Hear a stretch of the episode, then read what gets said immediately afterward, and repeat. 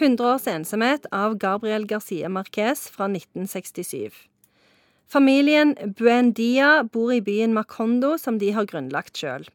De opplever gjennom syv generasjoner eh, borgerkrig, revolusjon, industrialisering, barn som blir født med grisehale, orkaner, kveldene hete, en regnstorm som varer i fem år, og alt synes på en eller annen underlig måte å finne sted omtrent samtidig. Det høres ut som noen som er utsatt for Guds plager på en eller annen måte. Ja, det er sant. For den, den er jo på en måte en slags sånn eh, opprinnelseshistorie. For de grunnlegger jo denne her byen sjøl, da. Og så følger du denne familien gjennom syv generasjoner.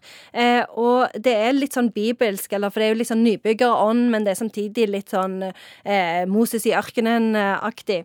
Eh, og så er det jo sånn at det, eh, det, som egentlig er poenget, det er jo litt hvordan alt, hvordan historien går i sirkler, og hvordan på en måte du er dømt til å gjenta det samme mønsteret om og om igjen. Eh, og mange mener jo at det, denne her romanen er helt umulig å oppsummere, fordi at det skjer så utrolig mye. Og eh, det er òg et eksempel på en sjanger som heter magisk realisme, så det skjer jo mye som gjerne ikke skjer til vanlig. For eksempel ei vakker dame som bretter tøy. Hun er så vakker at hun blir bare tatt rett opp til himmelen. Det er ikke dagligdags, i hvert fall ikke i Sandnes. ja, det, har skjedd bare et par ganger de siste 100 åra. Ja, ja, nemlig. Ja.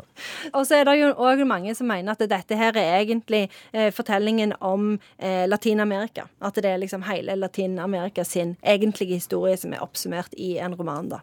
Men jeg hang meg opp i et ord du sa her, at eh, mange mener at denne boka er umulig å liksom fortelle på noen få minutter. Mm. Og det kan vel kanskje være redningsplanken vår her, hvis vi skal lære denne boka, og si at ja, 100 års uh, ensomhet er jo nesten umulig å oppsummere på, mm. på, så korte tid. Men jeg husker han med grisehalen.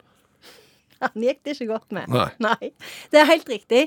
Og, og eh, når jeg forberedte meg i går, så leste jeg noen sånne intervju med folk som hadde denne som favorittbok, og de sa akkurat det. Mm.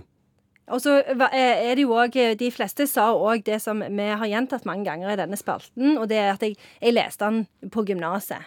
Så det er jo lenge siden. Men det er favori fremdeles favorittboka mi. Men det er mann om så mye at det er nesten umulig å oppsummere. Men hvorfor er han i uh, klassikerhylla, egentlig? Nei, den er jo Det er helt umulig å svare på, fordi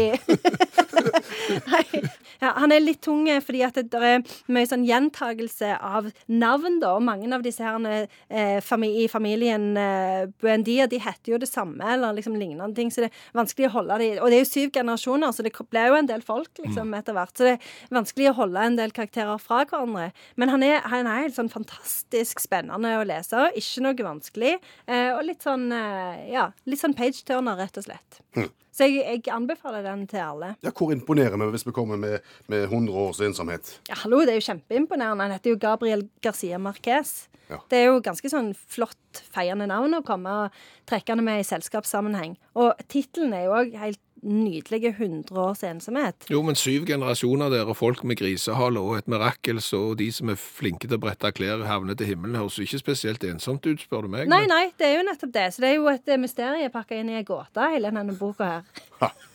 Da må vi få et sitat. Ja, det har jeg. Eh, det er dette. Man hører ikke hjemme noe sted så lenge man ikke har en død under jorden. Hæ? Dette forsto jeg. Ja, Da vil jeg gjerne ha en tolking. Jo, men du, du, må ha bodd lenge nok på en plass til at en, en generasjon har gått bort og er begravd. Da hører du på en måte hjemme der. Helt riktig. Den, den kom bardust på dere. Nå kjenner jeg at jeg blir grepen. ja. At det skulle komme fra dette hullet. At det skulle komme fra venstre flanke. Men, men, men, mens du da er i gang, vil du gjerne da på en fin og, og, vakker måte oppsummere verket som egentlig er umulig å oppsummere? Ja, Det er jo kanskje en av de sterkeste bøkene jeg har lest, men jeg har jo lest den eh, tilbake på, på gymnaset, så jeg husker den ikke så godt. Men den er nesten umulig å oppsummere fordi at det er så, så mye. Men jeg vil bare anbefale alle å lese den. Nå får jeg òg lyst til å lese den. Sa forfatter og litteraturviter Janne Stigen Dragsholt. Tusen takk.